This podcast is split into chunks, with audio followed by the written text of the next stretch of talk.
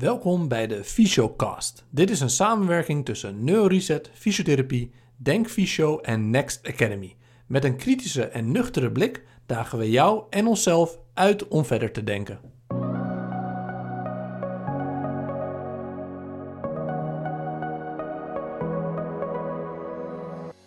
In deze podcast hebben we het met Judy Calcius over psychosomatische klachten. Een term die veel gebruikt wordt, maar ontzettend complex is. We gaan vooral anders leren kijken naar de psychomatiek. Judy Calcius is van basisopleiding klinisch psycholoog en kinestherapeut, oftewel fysiotherapeut. Hij studeerde eveneens cultuurfilosofie en gezondheidswetenschappen. We wensen je heel veel luisterplezier en volg ons ook nog even op Instagram via neuroreset-fysio, denkfysio en Next Academy. Deze podcast wordt mede mogelijk gemaakt door Denkfysio en Next Academy. Wil jij meer leren over dit onderwerp? De opleiding Psychologie en Psychomatiek van Jury is te volgen bij Denkfysio en Next Academy.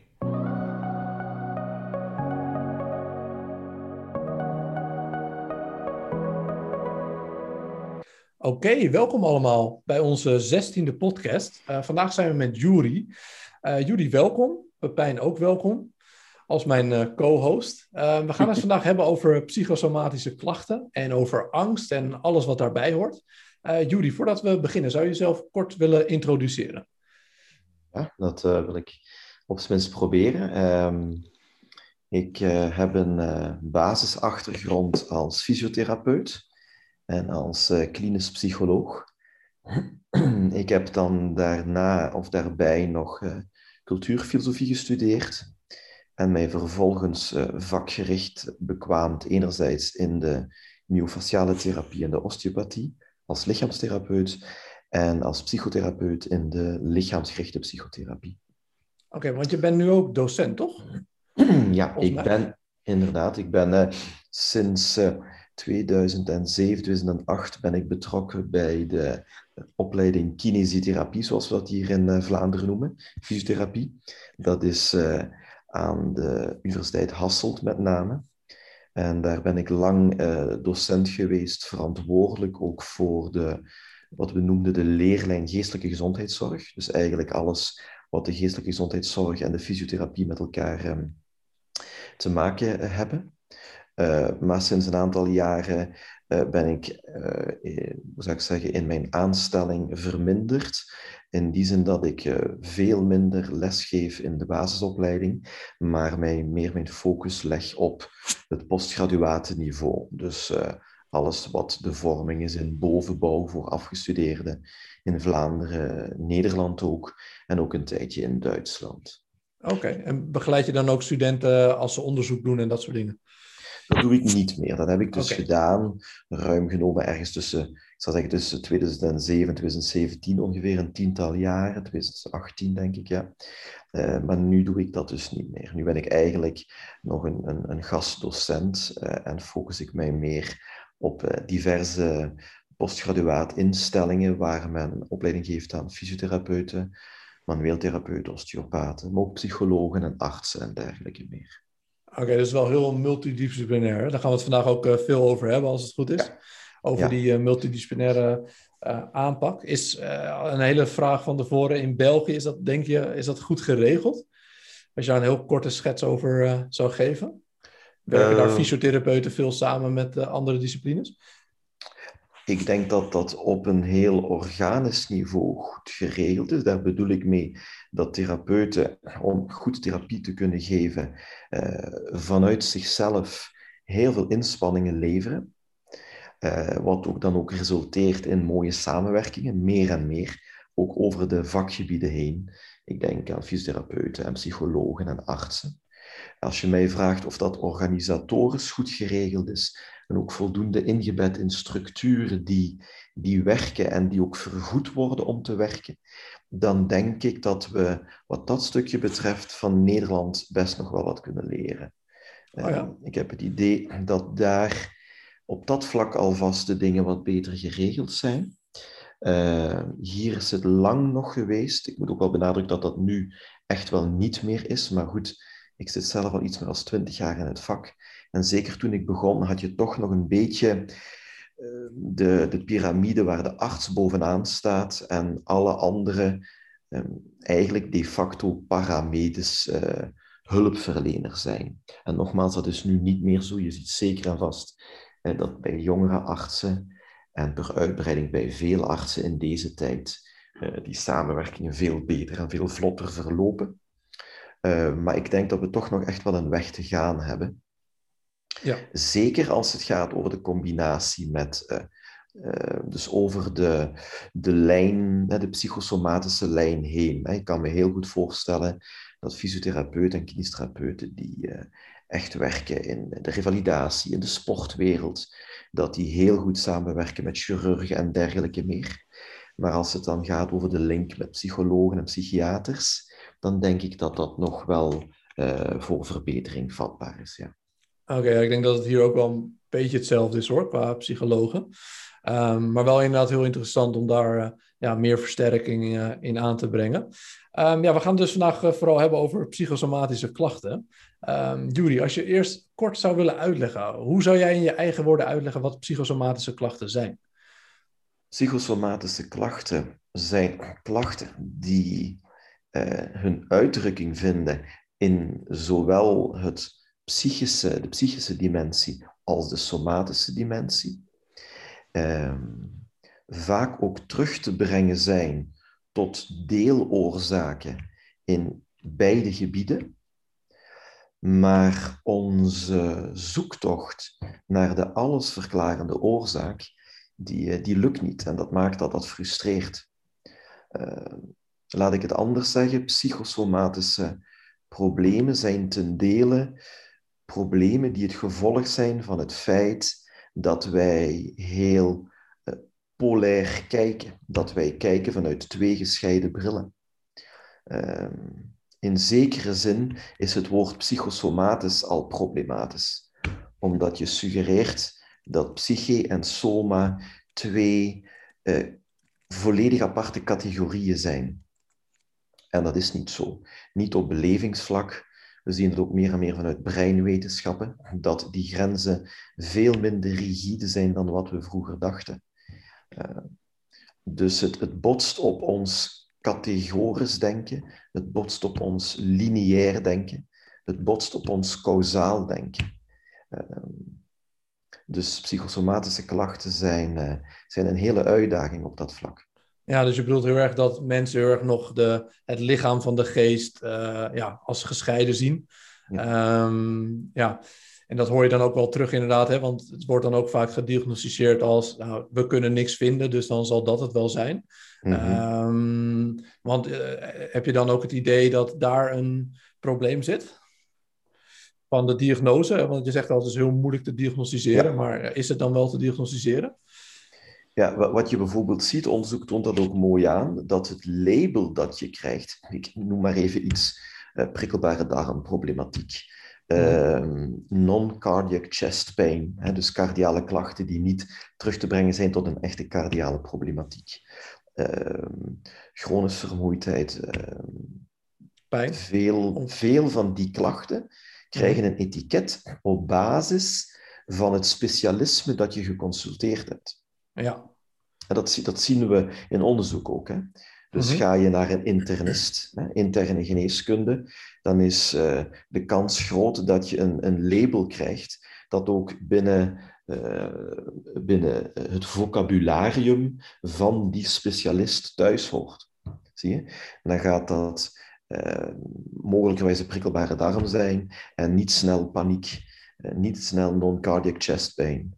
Eh, en dergelijke meer. Dus onderzoek toont dat mooi aan. Hè.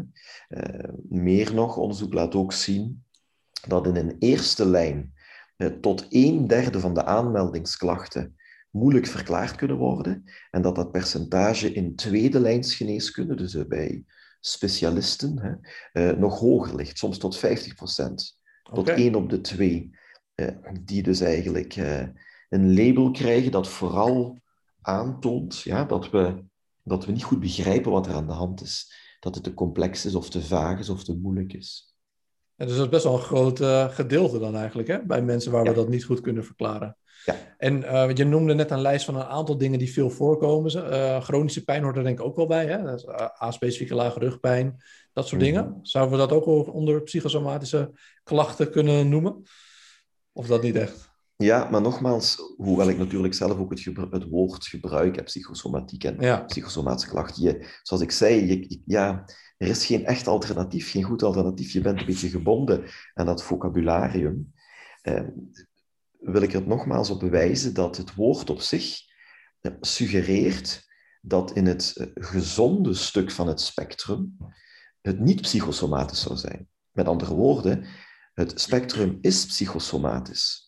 Alles wat we doen heeft een psyche- en een soma-component, die mhm. intrinsiek met elkaar verweven zijn.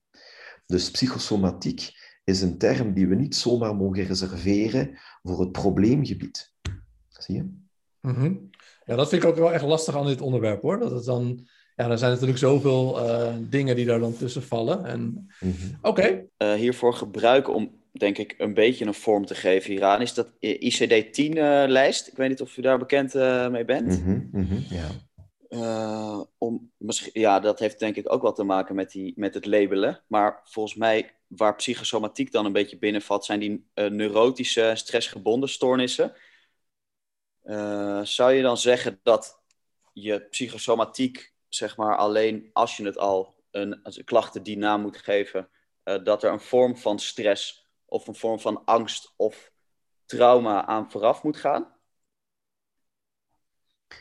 Mm gewoon, hoe zou ik zeggen, het is zeker zo dat naarmate klachten complexer zijn, we zien dat in de voorgeschiedenis of in de spreekwoordelijke rugzak van mensen eh, inderdaad eh, die elementen aanwezig kunnen zijn. Hè. Uh, trauma, dan is weer de vraag hoe breed of hoe smal definieer je het begrip trauma. Maar nogmaals, ik wil er uh, op, uh, nogmaals op wijzen dat de bril die ook, ook jullie hanteren in, in deze vraagstelling, ehm, een bril is die als het ware, voor het gemak even, een halve waarheid belicht. Dus de bril van de fysiotherapeut is echt een andere bril dan gemiddeld genomen van de psycholoog-psychotherapeut. En het problematische aan dit uh, thema of dit, uh, dit onderwerp is dat die brillen veel te weinig samen geïntegreerd uh, aangewend worden. Het is een of-of verhaal meestal in plaats van een en-en verhaal. Ja. Uh, ik, ik, ga een voorbeeld geven. Uh, een van de onderzoeken waar ik vaak naar verwijs, of waar ik vaak zelfs in uh, sommige colleges mee begin, is een onderzoek van onder andere Peter Henningsen. Dat is verschenen in de Lancet een, eh, een aantal jaren geleden. En dat brengt eigenlijk de risicofactoren in beeld voor ehm, wat men noemt functioneel somatische syndromen. Dat is wat er eertijds vaak als SOLC-klachten uh, benoemd werd. En dan zie je dat in die uh, review en meta-analyse, want dat was het type studie dat gebeurd is. en goed, als je in de Lancet gepubliceerd kan worden, dat betekent dat jouw methodologie echt wel goed is aangepakt natuurlijk, dan eh, zien we dat als eh, die onderzoekers een soort van schema maken om die risicofactoren in beeld te brengen, dat zij allereerst drie bronnen evenwaardig langs elkaar leggen. Je hebt de, uh, de biologische problematiek, wat ze noemen organic disease. Je hebt ten tweede het niveau van de verstorende prikkels die er kunnen zijn. Dus functional stimuli noemen ze dat. En ten derde heb je wat men noemt dysfunctionele vroegere of huidige relaties. Dus dysfunctional early and current relationships. En die drie zijn equivalent aanwezig, evenwaardig. Maar, en dan komt het eh, bijzondere aan dit verhaal, die drie komen in dat schema, want daar begint het bij die drie. Dat is eigenlijk een beetje de voorgeschiedenis, die in meer of mindere mate aanwezig is. De ene heeft meer biologische problematiek, de andere heeft meer een traumatische voorgeschiedenis. Maar dan brengen deze onderzoekers dat samen in één convergentiepunt. Dus die drie uh, bronnen komen samen in één punt van waaruit eigenlijk het hele schema dan begint. En dat ene punt, en dat is een heel belangrijk gegeven, dat noemen zij als experience of bodily stress. En dan zeg ik vaak tegen mijn studenten, lees nog een keer goed, want men leest daar overheen. Daar staat niet bodily stress, daar staat experience of bodily stress. En dat maakt dat vanaf dat prille begin in het schema weliswaar, we switchen van een objectieve parameter naar een subjectieve. Want mocht daar bodily stress staan, dan kon je dat meten met een of andere device of een of andere algometer of wat dan ook. Maar het gaat over hoe dat ervaren wordt. En die ervaringsgeschiedenis, die is gekleurd bij ons allemaal. Ik, het doet mij denken aan een tweede onderzoek dat ik vaak aanhaal dan, uh, iets recenter, rond de onderzoeksgroep van uh, Lormel Mosley, ook wel bekend mhm. in de fysiotherapiewereld en de pijneducatie.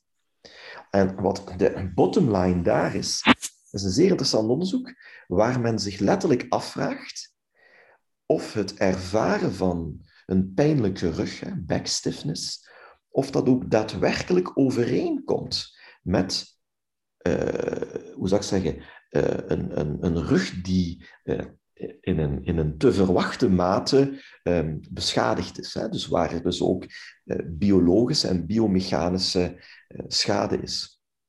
En wat blijkt, hè, dat dat niet zo is. Meer nog, de hypothese die deze onderzoekers onderbouwen in hun toch wel zeer interessante onderzoek, is dat ze zeggen, het gaat over een perceptual construct. Dus eigenlijk een, een perceptuele constructie van het brein. Dus zij komen ertoe om eigenlijk de heersende idee eh, echt in twijfel te trekken. Namelijk de mate van uh, ruglast, hè, onder de vorm van stijfheid en pijnlijke stijfheid, komt niet overeen, één op één, wat wij zouden verwachten op, laten we zeggen, biologisch-anatomisch niveau. Mm Moet ik zeggen dat dat onderzoek wel gebeurd is bij mensen die chronische ruglast hadden, maar dat maakt het des te interessanter. Ja, dus anatomisch is er echt niks te vinden, maar ze ervaren wel veel pijn.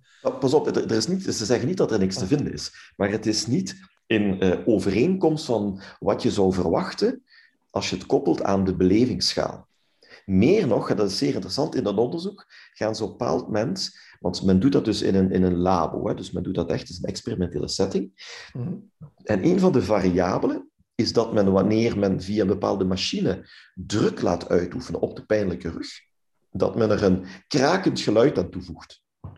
Okay. En het blijkt dat dat de pijnbeleving, dus de constructie, eens zo fel beïnvloedt, hè, in de negatieve zin.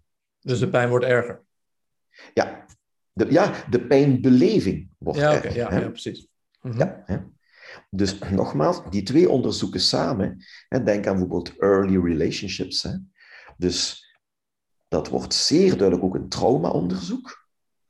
Dat de mate waarin jij een zeer hobbelig parcours hebt doorlopen in jouw, in jouw bijvoorbeeld kindertijd, in jouw opgroeien, hè, wat we noemen in jouw leergeschiedenis. Die is mhm. zeer bepalend voor de kwetsbaarheid naar solkklachten, uh, functioneel somatische syndromen, chronische pijnontwikkeling enzovoort. Oké. Dus Eigenlijk een beetje prognost, uh, prognostische factoren zou je kunnen zeggen. Op zijn minst, op zijn minst. En niet de enige natuurlijk. Hè. Bijvoorbeeld, ik, ik zou ook een onderzoek kunnen citeren waarin duidelijk aangetoond wordt hè, dat bijvoorbeeld armoede ook een heel bepalende factor is. Dus de mate waarin jouw sociaal-economische situatie uh, zeer precair is, zeer kwetsbaar is, ja, dat heeft ook een enorme, enorm impact op latere um, uh, health outcomes, dus, dus gezondheidsparameters. Maar nogmaals, heel belangrijk, zeer veel onderzoeken wijzen op het convergentiepunt van de beleving, de experience. Ja. Ja, want als jij nog één keer die drie uh, risicofactoren, zeg maar, waar je het net over had, dan had je het over het biologische aspect. Ja. En daar kunnen we dus dingen als inderdaad echt de, de biologisch aantoonbare, uh, ja. noem je als artrose en dat soort dingen, is echt pathologieën. Ja, en genetische aspecten, erfelijke aspecten. ja, en wat was dan de tweede die je noemde? Ja, dat noemen ze uh, dysfunctionele stimuli. Hè?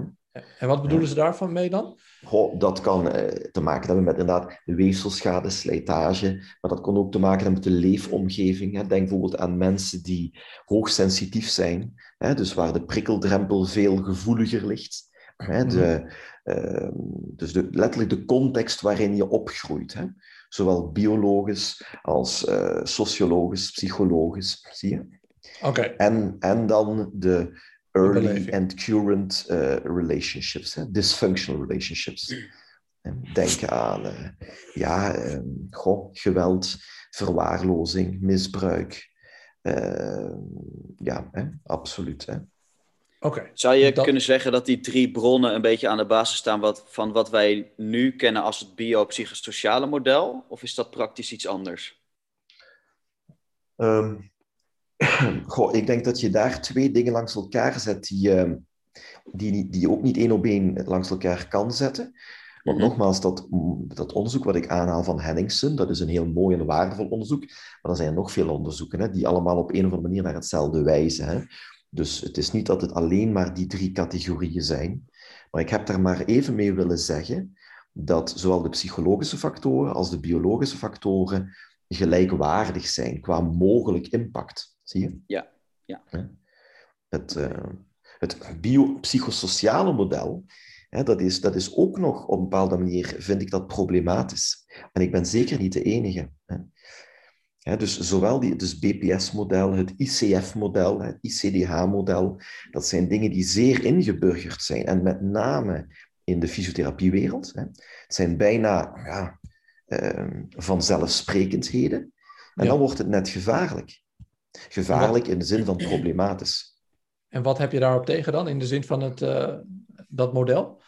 Dat het te, te gestructureerd uh, wat heb ik erop tegen? Ik denk dat het voor verbetering vatbaar is. Het is al een absolute vooruitgang op het biomedische model van vroeger. Mm -hmm. Dus we zijn al blij dat de P en de S erin staan, de psychosociale factoren. Ik denk dat het vooral belangrijk is te vragen hoe daar dan mee omgegaan wordt. En wat betekent dat dan voor de concrete praktijk? Ja, een van de dingen die ik aan mijn studenten vaak vraag is, oké, je hebt dat een anamnese afgenomen. En je hebt heel netjes al die factoren mooi ingevuld.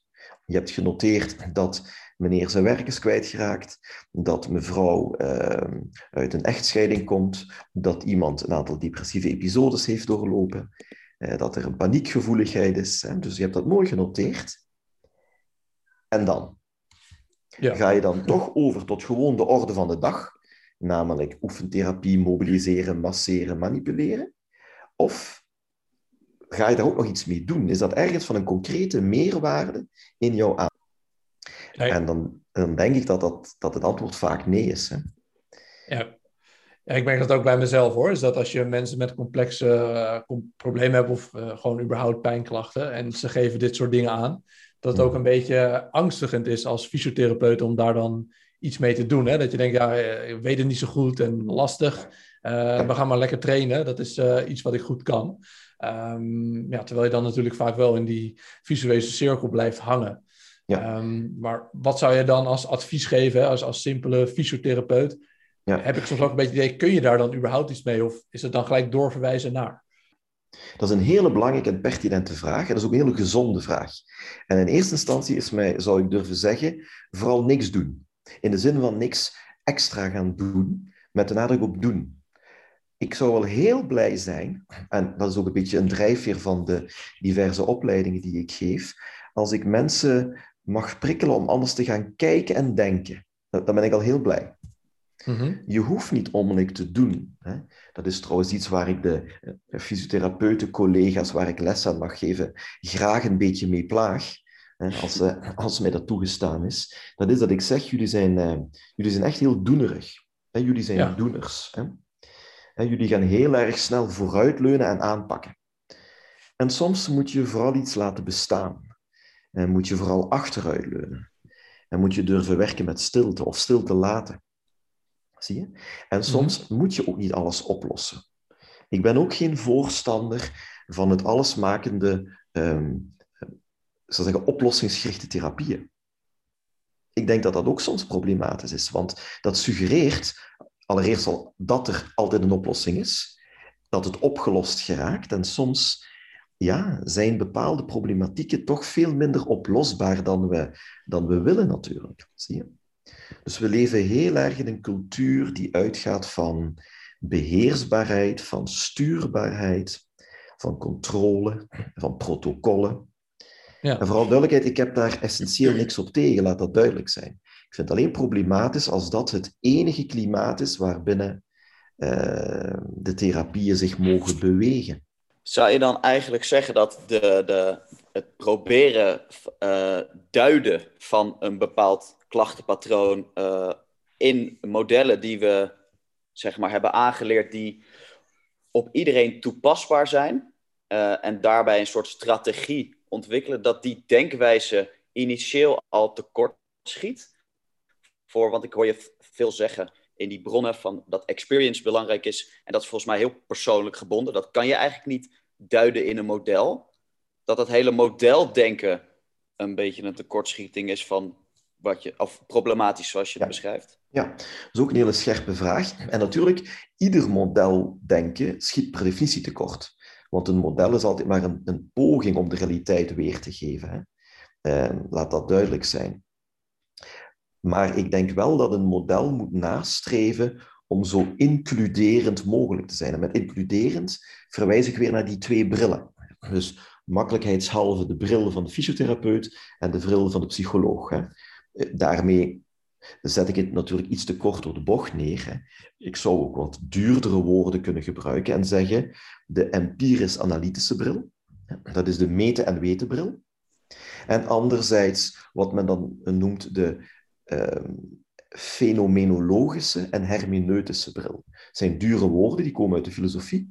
En fenomenologie gaat over het fenomeen, over de ervaring. En hermeneutiek gaat over betekenisverlening. En dat laatste is, um, is veel doorslaggevender dan we zouden denken. Ja? Want uiteindelijk, ik denk, onder de strepen, after all, waar het over gaat, is of mensen, wij allemaal, erin slagen om ons leven voldoende betekenisvol te kunnen ervaren en ook betekenis te kunnen geven aan wat er gebeurd is. Of dat nu een enkelverstuiking is, of een zeer ernstige diagnose, hè, of een operatie die mij te wachten staat, of een onverklaarbare pijn. Je mag echt niet vergeten hoe belangrijk het is om dat in te kunnen bedden in een levensverhaal. In een, ook soms in een levensfilosofie. Van, ja, hoe moet ik hier nu mee omgaan? Zie je? En als een model, om op jouw vraag terug te komen, als een model zelfs geen ruimte daarvoor laat, ja, dan denk ik dat het problematisch is. dus bijvoorbeeld het ICF-model, het, en het ICDA-model eigenlijk ook, laten geen ruimte voor echte betekenisverlening laten geen ruimte om om te gaan met bijvoorbeeld creatieve processen. Of met, ik noem maar eens even iets, um, systeemprocessen die spelen binnen bijvoorbeeld het gezin, het gezin van herkomst. Zie je? Dingen die heel erg kunnen leunen op hoe mensen hun pijn beleven of hun pijn verbijten. Maar daar is geen ruimte voor. En nogmaals, ik ben een absoluut voorstander van schoenmaker blijft bij je leest. Dus wat ik zeker niet wil suggereren, is dat de psycholoog fysiotherapeut moet spelen en de fysiotherapeut psycholoog. Vandaar dat ik zei, laten we eens beginnen met anders te leren kijken en denken. Stop, meer niet. En inderdaad, als daar dan een soort van doorverwijzing of samenwerking uit kan voortkomen, waar beide partijen elkaar begrijpen, de fysiotherapeut en de psycholoog, ja, dan denk ik dat dat een enorme meerwaarde voor de patiënt is. Oké, dus begrijp ik daar ook een beetje uit, als je dan zo'n complexe casus hebt of uh, iets waar ook andere factoren meespelen, dat het soms al voldoende is om uh, te bevestigen aan je klant dat je weet dat het speelt, uh, dat het er is, maar dat je er niet gelijk iets mee hoeft te doen als fysiotherapeut. Maar dat het ook een soort van, ja, dat je bevestigt dat, het, dat je weet dat er invloed heeft op iemands leven. Als je het heel praktisch maakt. Ja. Of zou je dat niet direct zo zeggen dan tegen de klant? Van hey, ik weet dat die problemen daar spelen. We weten ook dat het mogelijk invloed heeft. Ja. Ehm, of zou je het helemaal loslaten en gewoon lekker gaan oefenen? Ja. Allereerst, als, ik, als je mij toestaat, eh, ik, ik heb geen klanten. Ik ben geen winkel. Ik ben een zorgverstrekker. Dus ik heb eh, patiënten. Of zo je misschien wil cliënt, maar zeker geen klant. Ik vind dat al heel belangrijk. Oké, ja, hier in. Nederland eh, doen we zeggen we altijd precies andersom. Dan willen ze ons altijd dat we iedereen klanten noemen in Ja, plaats van patiënten. Ja, ja oké. Dus dat, dat is ook nog wel een dingetje, denk ik. Eh. Maar los daarvan, denk ik dat ook hier weer we eerst een stapje achteruit moeten zetten. hè. En een van de dingen die ik in mijn cursussen probeer te brengen, hè, bijvoorbeeld voor fysiotherapeuten geef ik in Nederland heel wat cursussen bij Denk Fysio. En eentje daarvan is de cursus Psychologie en Psychosomatiek in, de praktijk. En een van de dingen die daar aan bod komt, is dat we heel erg gaan leren achteruitleunen en ruimte maken. Ruimte om bijvoorbeeld al de hulpvraag ehm, in een context te plaatsen. In een ruimere context dan wat we als fysiotherapeut gewoon zijn. En heel concreet betekent dat bijvoorbeeld, en dat is ook is een van de topics die ik in mijn boeken beschrijf, dat een hulpvraag heeft altijd een expliciete kant. Dat is letterlijk wat de mensen vragen. Ik heb pijn aan mijn nek, of eh, dit is gebeurd, of ik wil terug kunnen voetballen, enzovoort. Maar ook een impliciete laag. En die impliciete laag die speelt altijd op relationeel niveau. Mensen komen iets vragen, komen iets vertellen, verwachten ook iets. Ja, dus dat is de relatiedynamiek.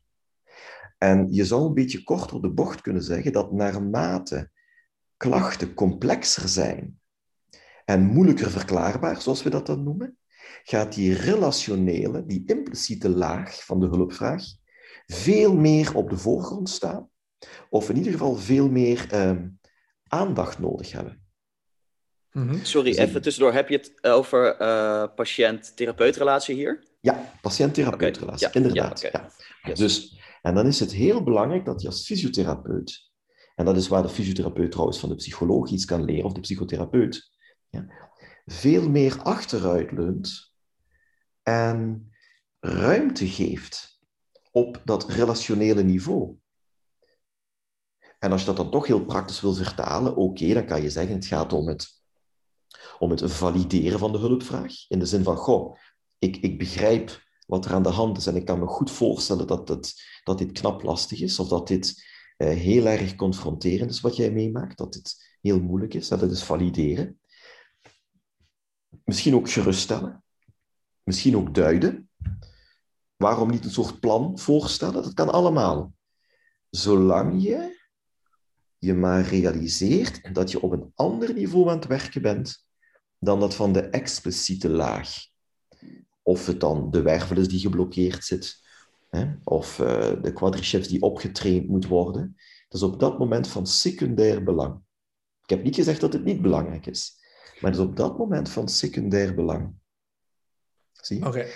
En trouwens, het is op die tweede laag, die impliciete laag, dat het heel vaak moeilijk loopt. Want de fysiotherapeut wil echt oprecht alles inzetten op dat expliciete niveau. Hij gaat alles uit de kast halen. Qua mobiliseren, manipuleren, oefentherapie. Maar de patiënt, en vooral onbewust, heeft heel veel behoefte op dat impliciete niveau. Dus gaat heel veel vragen, heel veel aanklampen, soms ook moeilijk doen. En dat leidt tot frustratie.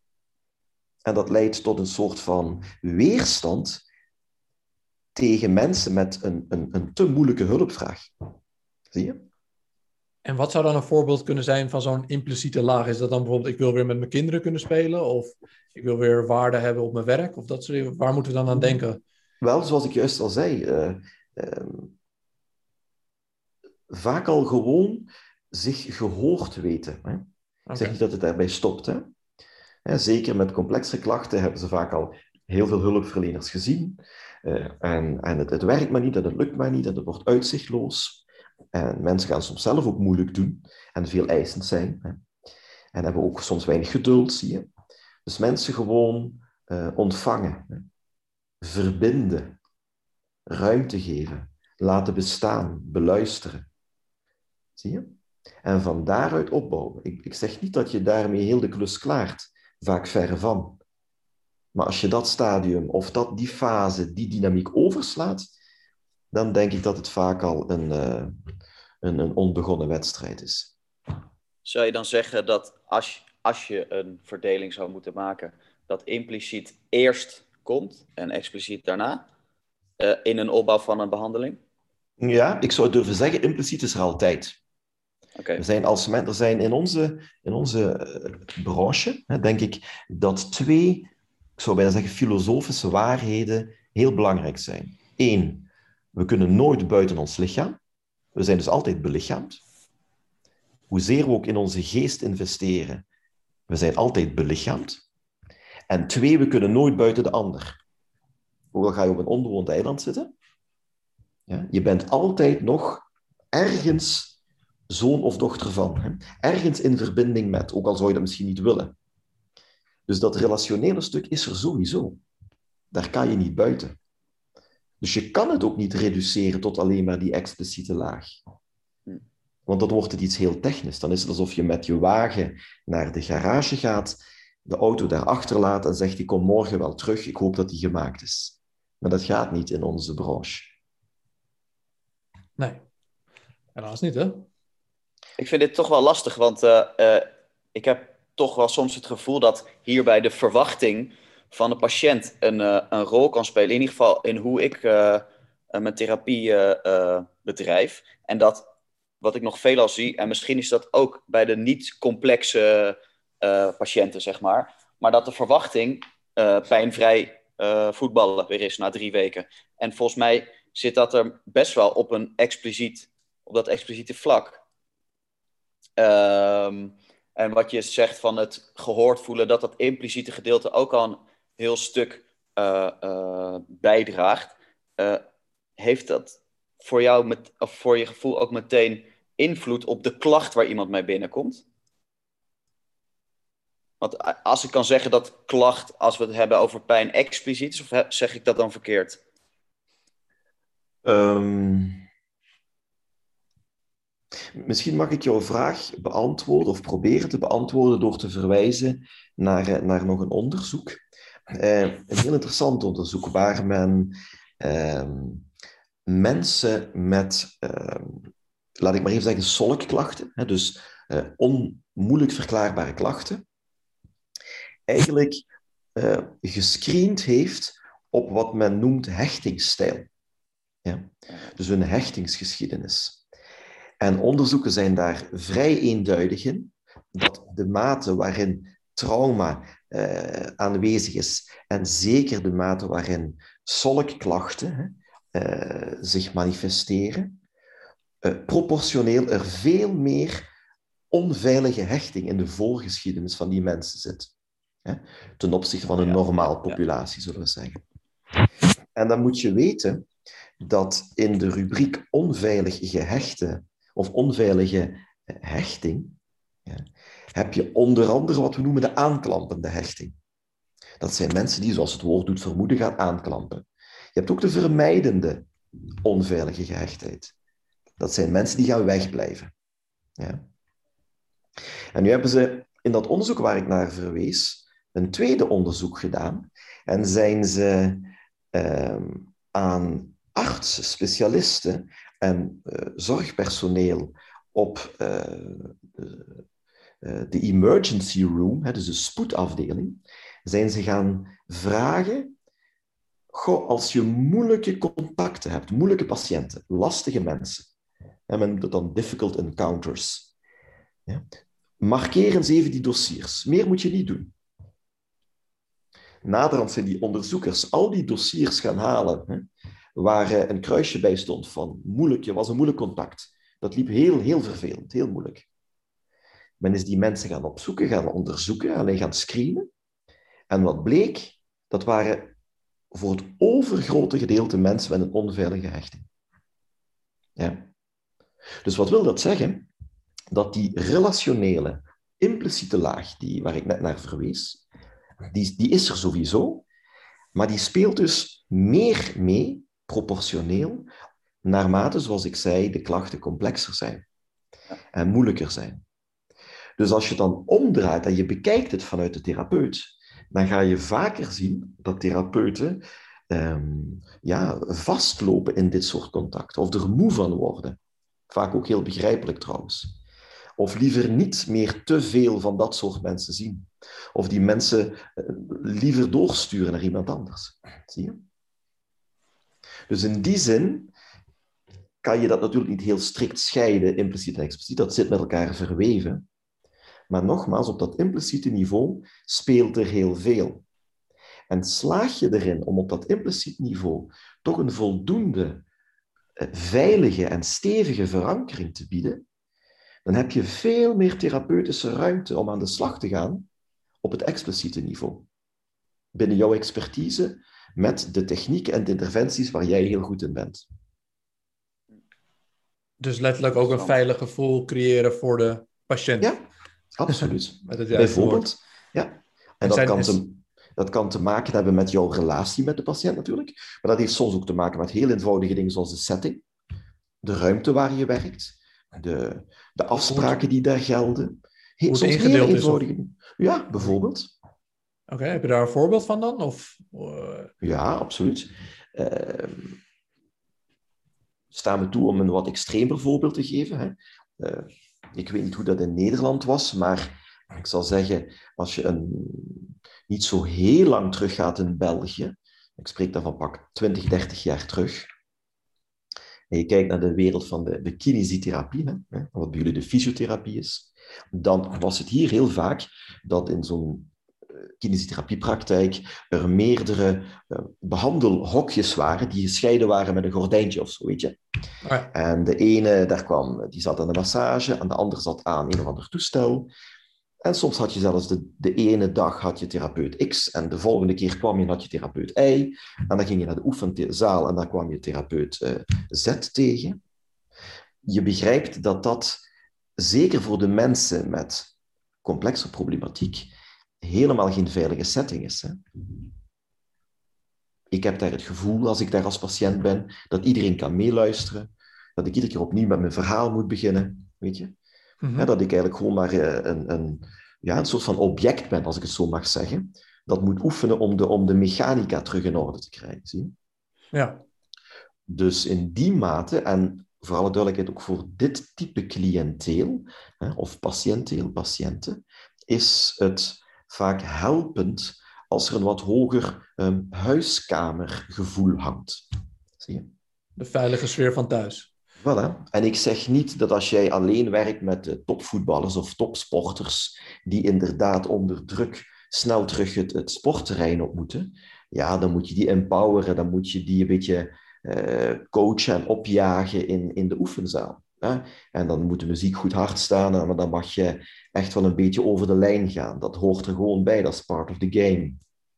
Maar ga je kijken naar mensen met chronische pijnen, moeilijke klachten, traumatische problematieken, dan denk ik dat uh, de omkadering toch anders moet zijn. Ja, ja ik, ik vind dat soms ook, ook nog wel lastig met vraagstelling, vooral bij de complexere um, uh, cliënten.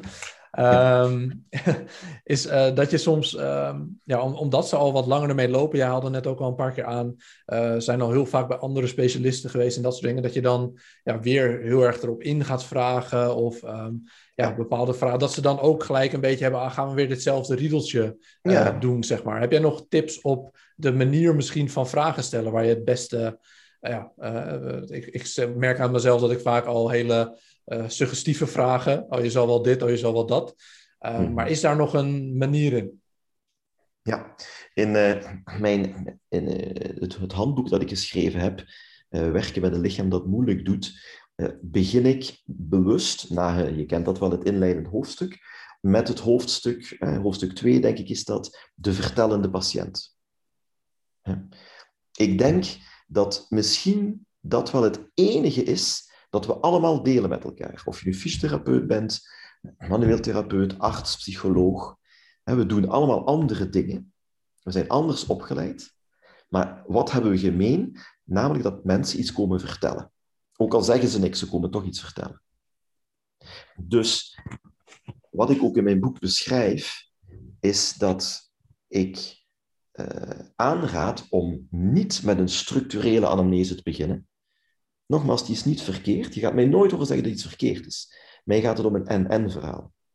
Alleen stel ik voor om te beginnen met een vraag zoals, hè, nadat iemand hebt welkom gegeten, ge, geheten, sorry, um, voilà, vertel eens, wie of wat brengt u hier? Zie je? Een hele open, uitnodigende vraag. Zodat mensen op verhaal kunnen komen. Ja. Dat is belangrijk, denk ik. En dat je naderhand in een tweede beweging of in een tweede sessie misschien doorpakt op meer concrete vragen die jij nog graag eh, beantwoord ziet, dat is heel normaal, dat is ook heel goed. En een vraag van, een bevestiging van, ik, eh, ik hoor u zeggen dat u al een hele weg hebt afgelegd. Dat lijkt me knap lastig. Hè? Dus ik, ik vraag me af, zeg je tegen de patiënt, hè? ik vraag me af wat ik voor jou nog zou kunnen betekenen. Wat, wat zou voor jou helpend kunnen zijn? En misschien krijg je wel een antwoord dat je helemaal niet had verwacht. Ja, dus dan geef je ook weer de, de cliënt de mogelijkheid en ook weer die veilige sfeer van jij mag het woord doen en ik ga niet duizend vragen aan je stellen voordat we ja. uh, weer het hele riedeltje gaan afdoen. Wat ik dan nog wel lastig vind is, zeg maar, want dan, uh, vooral met die complexere casen heb ik dan vaak in de uh, praktijk, is dat ze dan toch ook verwachten dat jij wel iets gaat vinden, want er moet toch iets zijn waardoor ze pijn hebben. Ja. En we hadden dat laatst hadden we ook een podcast met Bart van Bugem, hij is van de NOI-groep, ook van Mosley.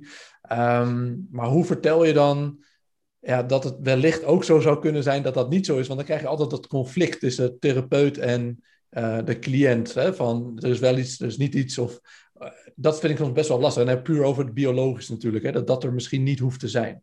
Hoe zou jij dat brengen dan naar de cliënt?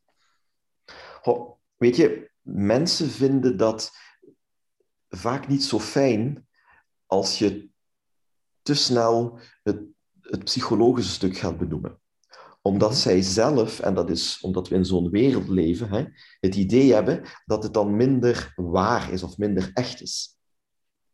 Ik zei gisteren nog tegen een collega dat als er al een voordeel zit hier in België alvast aan het hele, hele coronapandemie, dat is dat er veel meer ehm, aandacht en gevoeligheid is gekomen voor mentaal welzijn. Hm, ja, hier ook, ja. Dus ik denk dat dat een groeiproces is voor ons allemaal. En dat je niet tegenover de patiënt moet staan als grote alweter, maar dat je met hem of haar mee moet kijken. En dat je evenzeer mag zeggen van, goh, ook al vinden we niet zoveel op de CT-scan of op de RX of bij het klinisch onderzoek, dat wil niet zeggen dat, jij, dat jouw pijnbeleving minder waar is, of dat ik die minder geloof, of dat die minder voorrang krijgt. En daar moeten we als therapeut aan wennen. Dus voor mij is het een heel structureel knelpunt op niveau van de opleidingen. Niet op niveau van de therapeuten die in de praktijk staan. Dan is het eigenlijk al een klein beetje te laat. Allee, ik wil niet eh, dramatisch klinken, maar we hebben tijd verloren. We moeten op opleidingsniveau veel vroeger, veel breder insteken. Met die twee brillen die ik al genoemd heb. En trouwens, we zijn nu heel de tijd aan het spreken over de anamnese, zal ik maar zeggen. Mhm. maar, maar het verhaal gaat eens zoveel op wanneer iemand op de tafel ligt. Over aanraken. Want fysiotherapeuten raken niet aan. Als ze nog aanraken, palperen ze. Mhm. Maar ze voelen niet meer. En palperen is weer al iets heel objectmatig. Heel erg aangestuurd. Meetbaar maken. Ja, net zoals de gestructureerde anamnese. Je gaat bijna op zoek. En ik zeg dat wel eens tegen mijn studenten, je gaat op zoek naar de paaseieren die je zelf verstopt hebt. Is dat leuk? Nee, dat is niet leuk. Dus je moet ook in jouw manuele vaardigheid veel meer achteruitleunen. Ruimte laten. Afwachten. En kijken hoe dat lichaam dat altijd spreekt, hè, wat dat vertelt. Inspanning, in tonus, in ja, tal van dingen die zich kunnen manifesteren. Ja, ik denk dat het dan ook een beetje om de hoek komt kijken. Is dat natuurlijk gebombardeerd worden door al die onderzoeken. Dat we dat niet kunnen voelen. En dat we ja, al die verschillen niet zo goed objectief kunnen waarnemen. Um, maar bedoel jij dan dat we uh, ja, te weinig nu aanraken door dat soort onderzoeken? Of... Maar waar, waarom zou ik dat altijd enkel en alleen maar objectief willen kunnen waarnemen? Waarom zou ik een schouder die ik onderzoek enkel en alleen maar vanuit, het object, vanuit mijn objectieve bril bekijken. Mhm. die, die trouwens zeer, zeer gefragmenteerd is. Hè? Alleen al het feit dat ik waarschijnlijk alleen de schouder vooral onderzoek, zie je. En, en wat is dan het nut van het gewoon aanraken voor de cliënt? Is dat het ook weer vertrouwen geeft als je er. Of hoe, hoe zie je dat dan? Dat- Sowieso. Je kan een beetje aanraken, zou je een beetje kunnen vergelijken met mimiek. Hè? In die zin, je kan je daar niet achter verschuilen. Als een cliënt of een patiënt tegenover mij zit, dan gaat hij aan mijn gezicht dingen kunnen aflezen die ik misschien niet wil vertellen. Hè?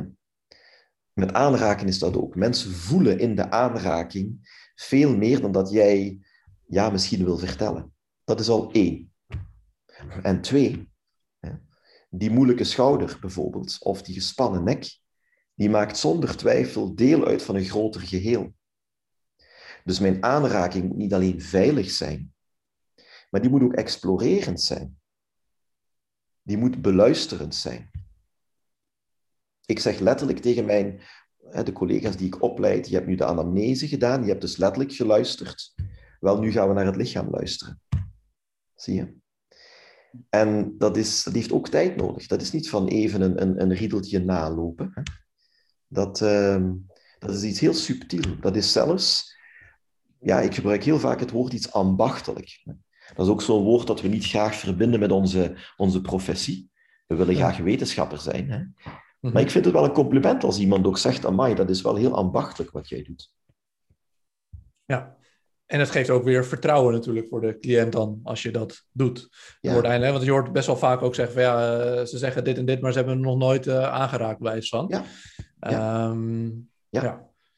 Ja, en mensen gaan bijvoorbeeld zeggen van, eh, ja, wat kan men zoal zeggen dat, dat het... ehm, ze kunnen bijvoorbeeld zeggen dat het goed voelt, maar het kan ook zijn dat je voelt bijvoorbeeld die frozen shoulder.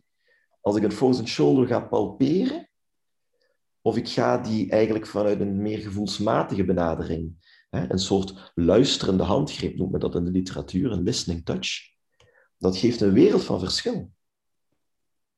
Voor de cliënt. Voor, ja, voor de cliënt, maar uiteindelijk ook voor het therapeutisch proces en voor jouw eigen beluistering en verkenning. En nogmaals, ik heb niks tegen het onderzoeken van een eindstand of een range of motion of hoe je het ook wil noemen. Maar bewegen is veel meer dan alleen dat. Bewegen is expressie. Of is niet-expressie. Wordt expressie geblokkeerd. Zie je? Ja, het is waarschijnlijk ook inderdaad omdat als je al die objectieve metingen alleen maar doet, dan voelt de cliënt zich misschien ook meer een object dan een persoon. Als je de hele tijd met je meetlint overal alles zit te, Ja. te meten en dat soort dingen. En dat die combinatie daartussen dan. Ja. Oké, en hoeveel zin heeft het nog om, zeg maar, die risicofactoren waar je het net over had, om dat nog verder uit te pluizen over dingen als trauma's? Of is dat voor de fysiotherapeut niet echt relevant? Misschien stress of angst? Of moeten wij daar nog meer mee doen in het hele onderzoek? Ja, je gebruikte weer het woord doen, hè? dus dan denk ik nee, Ja. niet gaan doen. Hè? Ik zou liever eerst op opleidingsniveau zitten en ik zou, ik zou het heel mooi vinden mocht eh, eh, op opleidingsniveau deze thema's en ook deze wetenschappelijke bevindingen, voor alle duidelijkheid, veel vroeger in de opleiding eh, meegegeven worden. Want wat je heel vaak ziet, is dat bijvoorbeeld de vakken psychologie, en daar heb ik toch een beetje kijk op gehad vanuit mijn docentschap destijds, ja, dat die toch een beetje er wat bij komen. Een soort van epifenomeen zijn. Hè? De echte business is toch wel anatomie, fysiologie, kinesiologie, biomechanica Ja. enzovoorts. Maar in een tijd van BPS-model, ja, moeten we toch ook iets met psychologie doen, weet je? En dat vind ik, eh, ja, dat, dat, dat is geen vruchtbare aanpak, denk ik. Ik denk dat je van meet af aan die dingen in elkaar moet klikken, want ze zitten in elkaar geklikt. Ja, Heb je het gevoel dat het nog steeds niet helemaal eh, dit fenomeen geaccepteerd is? Ik bedoel, dat eh, Descartes heeft volgens mij toch ooit die scheiding aangegeven tussen lichaam en geest. Dat we nog steeds niet in volle eh, zeg maar, acceptatie hebben genomen dat, dat die scheiding niet juist is. Oh, ik, laat ik misschien zo zeggen, en misschien provoceer ik nu een beetje, want het is natuurlijk geen zwart-wit verhaal en er gebeuren zeker en vast hele mooie initiatieven, laat dat ook duidelijk zijn. Maar toch zie ik op opleidingsniveau ook wel tendensen eh, waarvan ik denk die gaan de verkeerde kant uit. in die zin bijvoorbeeld dat fysiotherapeuten in Vlaanderen, maar ik denk ook in Nederland, veel minder um, manueel getraind worden. Er wordt bijvoorbeeld geen massage meer gegeven. Klopt. Want massage, dat is toch wel iets, ja, dat is een beetje minder waardig. En is ook vooral niet goed bewezen enzovoort. Hè. Er wordt heel veel ingezet op hands-off strategieën, eh, oefentherapie. Of nog erger, liefst zoveel mogelijk technology-based ondersteuning. Hè. En nu wil ik niet zeggen dat we niet uh, met de technologie mogen meegaan, maar uh, we moeten echt wel durven blijven inzetten op, op onze basisvaardigheden die te maken hebben met manuele benadering en natuurlijk ook motorische benadering. Hè? Dat spreekt voor zich. Zie je? Dus ook daar weer palperen versus luisteren, voelen. En anderzijds eh, trainen versus expressief bewegen. Zie je? Doorleefd bewegen. En, en, en dat, dat zie ik. Allee, ik heb alvast het idee, maar misschien is mijn blik uh, niet voldoende geïnformeerd. Maar dat op opleidingsniveau dat dat een beetje scheefgetrokken uh, evolueert. Ja. Ja, in principe in Nederland op de hogeschool krijgen we, volgens mij hebben wij Pepijn vier uurtjes massage gehad, toch? Of zo? Als een soort bij ja. Eén blok. Eén blok van tien weken, dus tien keer een uurtje. Ja, tien keer een volgens uurtje. mij. Ja. ja. Als een soort van, we willen het eigenlijk liever niet meer doen, maar we geven het jullie uh, gratis bij. Ja. ja. En, en, het, en het, het, het, in het, in het, eh, zal ik het even zo zeggen, het, ambachtelijke manuele werk, leer je zoveel. Met, met, met je handen in de klei, zou je bijna zeggen, leer je het materiaal kennen. Je leert echt voelen en doorvoelen. Je wordt expert. He, zoals een, een, een wijnkenner wijn eh, letterlijk door, doorheen zijn mond uh, laat gaan. Hij gaat niet zomaar drinken om de dorst te lessen. Nee, hij gaat savoureren. Hij gaat proeven. En hij kan een smakenpalet ontwikkelen waar ik als leek alleen maar naar kan opkijken. En dat is eigenlijk een vaardigheid, een ambacht, een kunst die we totaal verleerd zijn. Zou je eigenlijk zeggen dat, dat die hele kunst niet zozeer gaat over het kunnen voelen van bepaalde tonus of spierkracht om daar een meting aan te geven, maar meer een ervaring van bepaalde spanning in een lichaam of een reactie die je uitlokt met bepaalde aanraking. Dat de skill van, van het manuele meer daarover gaat? Maar ook hier is het een en-en verhaal. Alleen denk ik dat in het, in het moment, echt in het therapeutisch moment van contact, van relatie, echt in het therapeutisch proces, dan heb ik die kwantificerende bril, die meten is weten bril niet nodig. Die is daar storend voor mij. Maar ik heb die wel nodig om mijn vak te onderbouwen. En om mensen ook veiligheid te kunnen bieden op vlak van interventie. Onderzoek is heel belangrijk natuurlijk. Maar in het moment van proces gaat het over aanraken, gaat het over voelen, gaat het over in verbinding staan en gaat het over toegang krijgen tot een lichaam dat moeilijk doet. Mijn, mijn eerste boek noemt ook werken met een lichaam dat moeilijk doet. Dat niet meegeeft, dat opspant eh, enzovoort. Zie je? En eigenlijk waar we als therapeut, weliswaar vanuit expertise, maar ook vanuit een bepaalde nederigheid, proberen met het lichaam als toegangspoort te werken. Niet alleen met het lichaam als een object, maar het lichaam als een toegangspoort tot die belevingswereld van die patiënt. Die misschien inderdaad bang is of gespannen is. Of gefrustreerd is of kwaad is. Zie je? Moedeloos. En dat is denk ik toch zeker nogmaals wanneer we spreken over die moeilijkere categorie van mensen. Althans, die mensen zijn niet moeilijk, maar de situatie waarin ze terechtgekomen zijn hè, bemoeilijkt het heel erg. Wel, daar is dat denk ik een, een, een belangrijke of een aanbevelenswaardige benadering. Dat wel een heel mooi voorbeeld inderdaad, wat je zei met de poort daardoor gebruiken. Ja. Dat is wel een...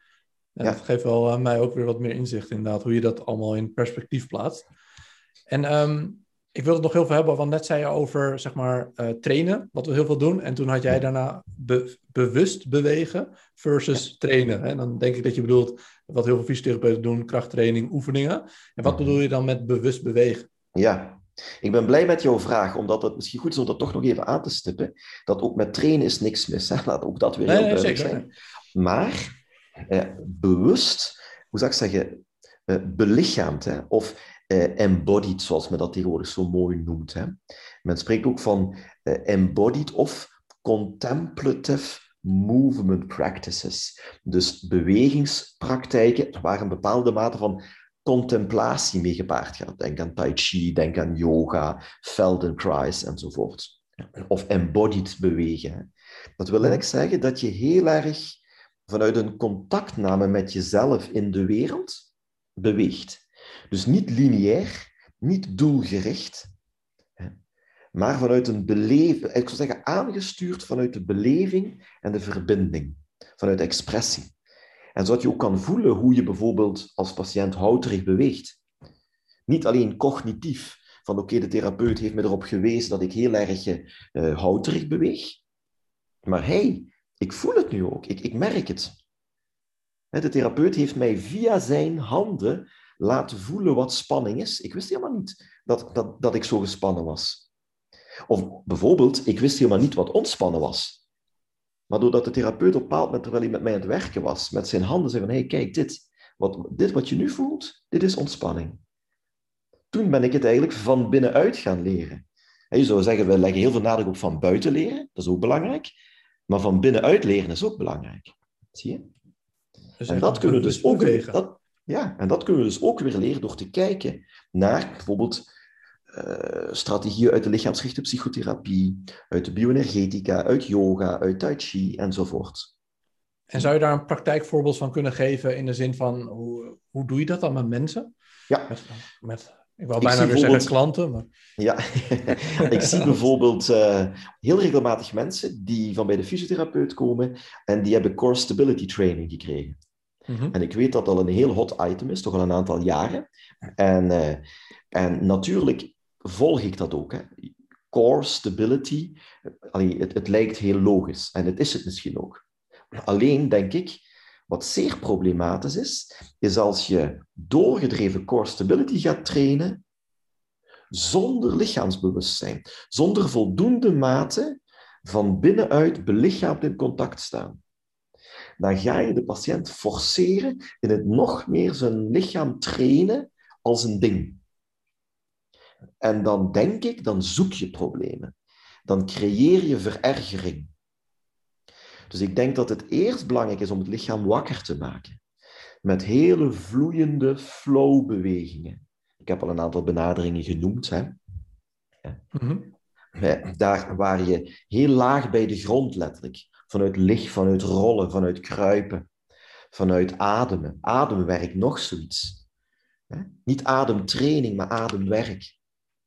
Niet leren voor de hyperventilatie te onderdrukken of te, te anticiperen, bepaald techniekje. Nee, om contact te nemen met je onrustige adempatroon. Zie je? Nogmaals, van binnenuit. Dus ik ga met die mensen, ik ga op de grond liggen, ik ga rollen, ik ga stoeien, ik ga spelen. Ik ga ook een beetje rekkend bewegen, wat stretchend bewegen. Ik ga draaien, spiraalbewegingen maken. We gaan een beetje duwen, trekken. Ik noem dat in mijn opleiding ook experiential movement. Ook die cursus geven we bij Physio. Twee dagen lang gaan we uh, uh, verschillende uh, benaderingen toepassen.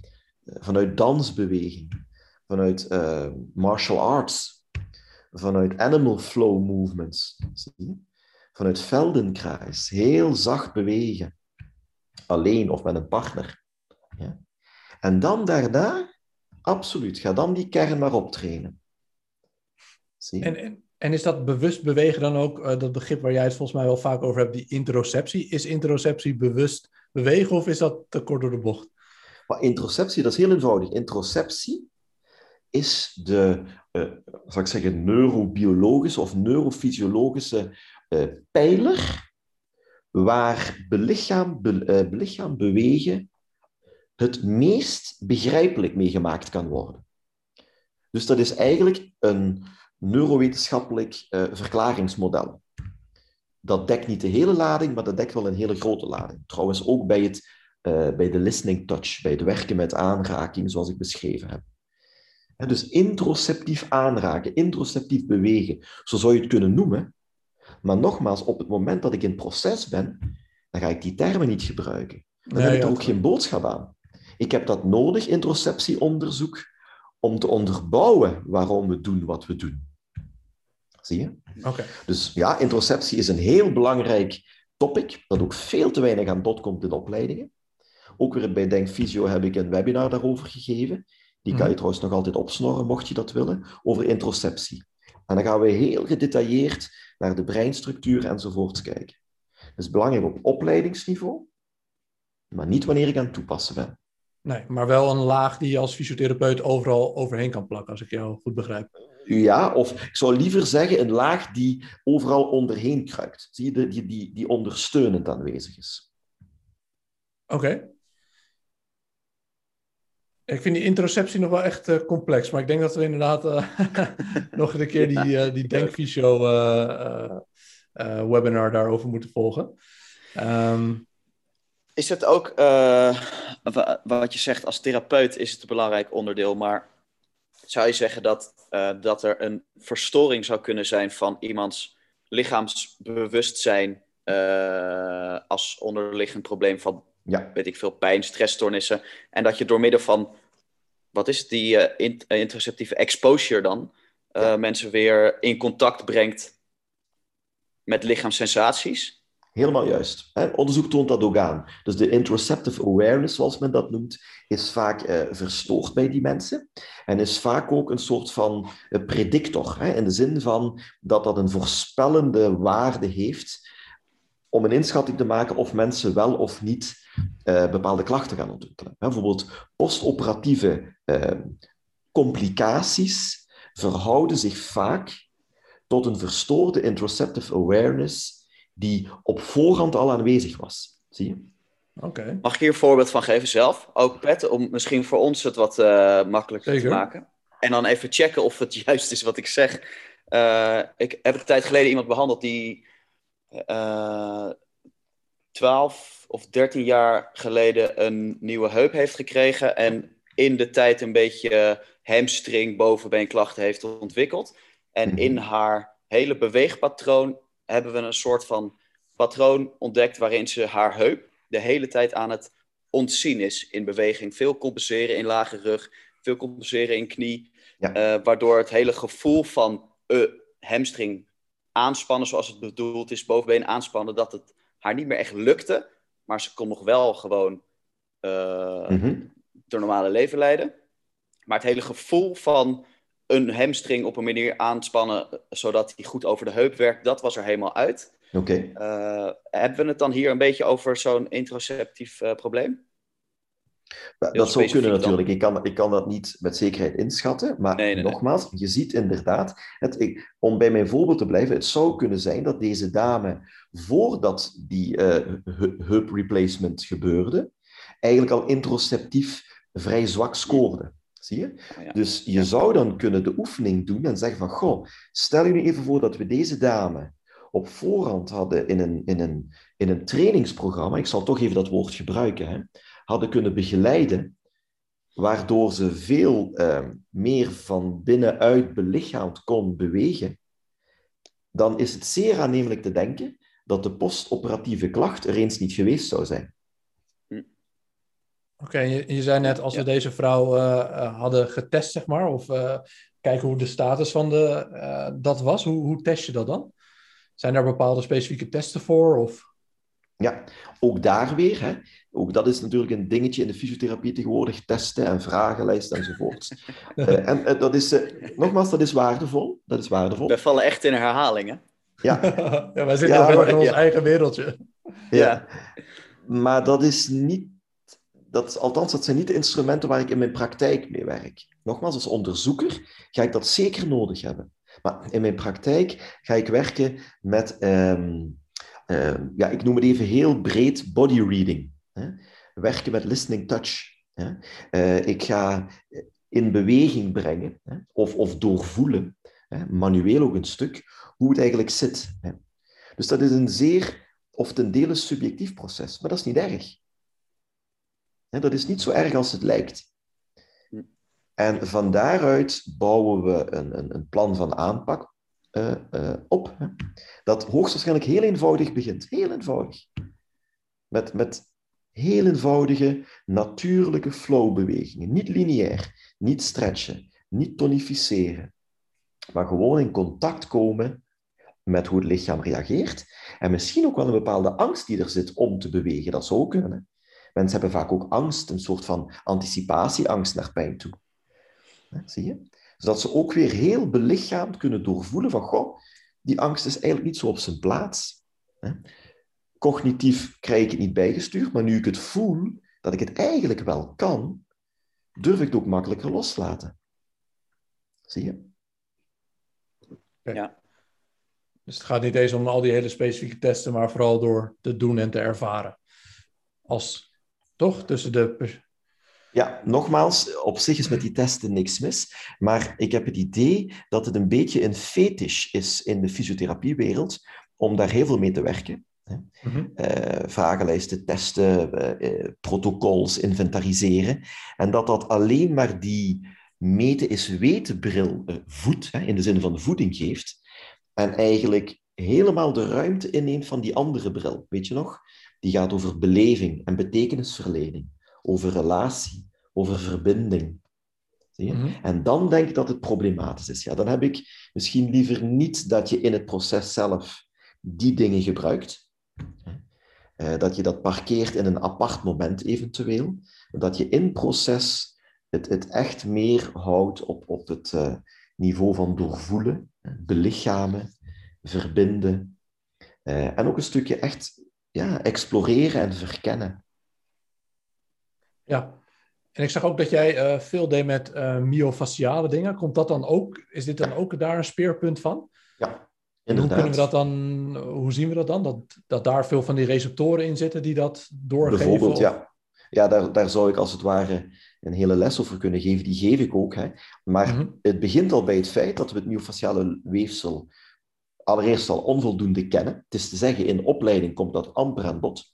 Het gaat over spieren en gewrichten en pezen. Het is allemaal ja. zeer analytisch. Dus het myofasciale weefsel is quasi onbekend. En dan gaan we het ook nog een keertje niet aanraken. We gaan er niks mee doen. We gaan het hooguit rekken of strekken of uh, optrainen. Terwijl net het nogmaals ambachtelijk werken, hands-on werken, met die lading in dat myofasciale weefsel, zo mooi is. En zo'n mooie resultaten geeft. En wat bedoel je met echt, de, ja. de, lading in het myofasciale weefsel? Ja. Spanning. Ja. Oh, de spanning. Spanning, ja, de lading, traumatische lading, angst, uh, stijfheid, uh, bewegings, uh, bewegingsarmoede enzovoorts. Ik vind dit een heel lastig ding. Wat je zegt, dat spanning ook traumatische ervaringen of angst kunnen zijn. Dat je uh, door middel van zo'n myofasciale release, uh, spreek je dan ook die traumatische ervaringen en angst aan via dat myo myofasciale weefsel?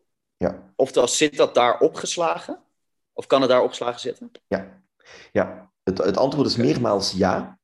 Um, maar die vragen die jij nu stelt en die ook heel begrijpelijk zijn en die ik natuurlijk heel vaak krijg, die zitten vervat in, om even een idee te geven, vier dagen opleiding. Dus ja, om maar even te zeggen, daar ja, hebben we echt veel meer tijd voor nodig. Ja. Uh, maar het antwoord is sowieso ja. Er gebeurt zeer interessant onderzoek rond vanuit trauma research. Het zal je wel opgevallen zijn dat in het traumaonderzoek veel meer aandacht naar het lichaam gaat, ook wetenschappelijk, dan in de fysiotherapie. Dus nogmaals, daar, ja, daar gaan de opleidingsdagen over. En bedoel je dan met trauma, trauma, mentale trauma's of fysieke, ja, alles, alle soort trauma's? Alles. Trauma is altijd en mentaal en fysiek. Ja, oké. Okay. Ja. Ook daar weer niet die opsplitsing maken. Nee. Dus het, bijvoorbeeld het concept dat ik heel veel gebruik in mijn opleiding is het concept spierverpansering, spierpansering. Daar gaan we heel ver op door. We bekijken dat vanuit brein, netwerken. We bekijken dat vanuit fysiologie en zelfs vanuit histologie. Maar we bekijken dat ook vanuit ontwikkelingspsychologie. En dat is dus nodig. En dat doe ik inderdaad in de opleidingen bij Denk Fysio, de psychologie en psychosomatiek, maar ook in de myofasciale trainingen die ik daar geef. Uh, ik geef die bij denk fysiotherapeuten, ik geef die elders voor osteopaten en psychologen. Dus ik, ik, ik mag heel wat mensen, uh, hoe zou ik zeggen, hierin uh, prikkelen, hè, voor zover mij dat lukt. Maar het is wel een feit dat dat lichaam als toegangspoort heel veel potentieel heeft, maar ook echt wel een bepaalde mate van kennis en ervaring en vaardigheid vraagt. En daar heb je gewoon opleiding voor nodig, dat wil ik er straks zei.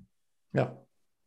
Interessant. Zou je bijvoorbeeld, is even een heel suf voorbeeld hoor, maar uh, kunnen stellen dat uh, als je als copingmechanisme hebt aangeleerd, op wat voor reden dan ook, om uh, confrontatievermijdend te werken op sommige punten, zou je kunnen zeggen dat je lichaam dat in, in zekere mate zou kunnen overnemen? Bepaalde confrontaties als in... Oh. Of is dit veel te breed gesproken? Nee, maar, mag, ik, mag, ik goed bedoeld, mag ik goed bedoeld zeggen dat de vraag die je stelt, die eigenlijk zo logisch is, dat het feit dat je die vraag stelt eigenlijk aangeeft dat jouw invalshoek hè, um, heel erg reducerend is. En vooral duidelijk, ik bedoel dat heel goed, maar, maar het is, en ik krijg die, vaak heel vraag, die vraag heel vaak, sorry. Het is, het is symptomatisch dat die vraag gesteld moet worden. Wat bedoel ah, ik daarmee? Dat eigenlijk is het lichaam, jouw belichaamde aanwezigheid in de wereld, is het eerste medium dat gaat reageren. Ah, dus met andere woorden, nog vooraleer jij denkt en analyses maakt, is jouw lichaam al lang uh, in proces. Ja, absoluut. En dus ook het lichaam leren lezen en begrijpen, visueel, met een luisterende handgreep, in bewegingsanalyse. Dat is een enorme rijkdom om te begrijpen wat jouw patiënt en dienstlichaam vertelt op dat moment. Hm. Zie je? Dus vooral duidelijk, ik vind jouw vraag interessant, maar de vraag duidt juist dat we helemaal die logica vergeten zijn. Ja. Zie je? Dus ja, heb jij een, en zeker als die onveiligheid teruggaat tot lang geleden, dan zit dat tot in jouw diepste vezel. En eerlijk gezegd, ik denk dat bij heel wat patiënten het er ook nooit uit gaat gaan, omdat het zo diep geconditioneerd zit in wat wij noemen voortalige breinnetwerken, die heel limbisch geconditioneerd zijn, hè, limbische structuren in je hersenen. Dat ga je er niet uit krijgen. Toch niet in die mate dat je het zou willen. Dat heeft je letterlijk gevormd, zo. Letterlijk, het heeft ook uw, uw, uw posturaliteit, uw houding, de manier waarop je de wereld tegemoet treedt, of net niet. Hè? Vandaar het belang van die body reading. Het leren kijken en leren luisteren naar het lichaam. Maar dit zijn allemaal dingen die, die amper tot niet aan bod komen in de reguliere opleiding, of in de basisopleiding bedoel ik. Ja, ik denk dat dit gesprek vooral duidelijk heeft gemaakt dat uh, Pepijn en ik nog heel erg uh, vanuit één bril kijken. ja, dat is wel... Uh, ja, toch? Dat is, en dat is een goede bril, hè? Dat is een goede bril, hè? Alleen ligt daar de uitnodiging en de uitdaging om transdisciplinair te leren kijken. Niet multidisciplinair, dat woord daar moeten we ook mee stoppen. Dat is echt passé. Transdisciplinair. Domeinoverstijgend. Het NN-verhaal. En dan hoef je je eigen beroep niet te verloochenen. Integendeel. Je maakt het alleen maar rijker. Ja. En dan ligt daar voor ons uh, zeker nog een uitdaging. En um, ja, ik denk dat we al heel veel besproken hebben. Mhm. Is er nog iets, uh, Jury, wat jij nu graag zou willen toevoegen? Iets waar we misschien overheen zijn uh, gegaan of een, een aspect? Oh, nee, ja, ik zou uh, natuurlijk nog veel kunnen vertellen, maar ik denk dat ook de tijd in die zin verstreken is dat het al heel veel volume heeft. Dus misschien ehm, denk ik dat het ook mooi is om, om, om wat dat betreft af te ronden en misschien de, de, de luisteraar hopelijk met een aantal prikkelende gedachten uh, naar huis te sturen, zou ik zeggen. En, en gedachten die hopelijk ook, uh, hoe zou ik zeggen, een beetje onrustig maken. Onrustig in de zin van die vragen naar meer, hè? Die, die iets hebben aangewakkerd wat, wat nog onvoldoende helder is. Hè? Het is als docent heel mooi om vragen te mogen beantwoorden, maar het is ook mooi als je vragen genereert. Hè? Als je mensen aanzet tot verder denken, tot verder willen ontwikkelen. En dan zou ik denken, ja, wees welkom. Ik, uh, ik zie jullie graag verschijnen daar waar, waar het opleidingsaanbod jullie mag inspireren. En dan kunnen we heel goed doorpakken, veel meer in detail natuurlijk dan wat we nu hebben kunnen doen. Ja, ik denk dat het zeker te zeggen is dat het uh, geprikkeld is. Want uh, ja, zeker, voor mij is dat echt super nog uh, veel uit te halen. ja, want ik denk dat ik echt nog heel erg vanuit één kant en perspectief kijk. En inderdaad voor de, de mensen in Nederland die luisteren via Denkvi Show. Ja, nu helaas niet live. maar er is nog wel nu een web, webinar te beluisteren of te bekijken. Volgens mij duurt die vier uur lang, hè? iets in die richting. Nee, die, nee, die, nee, die webinar is maar anderhalf uur of zo. Oh, anderhalf dus dat, dat valt goed mee. Maar de, de cursussen bij Denk Visio gaan wel, wel draad terug van start.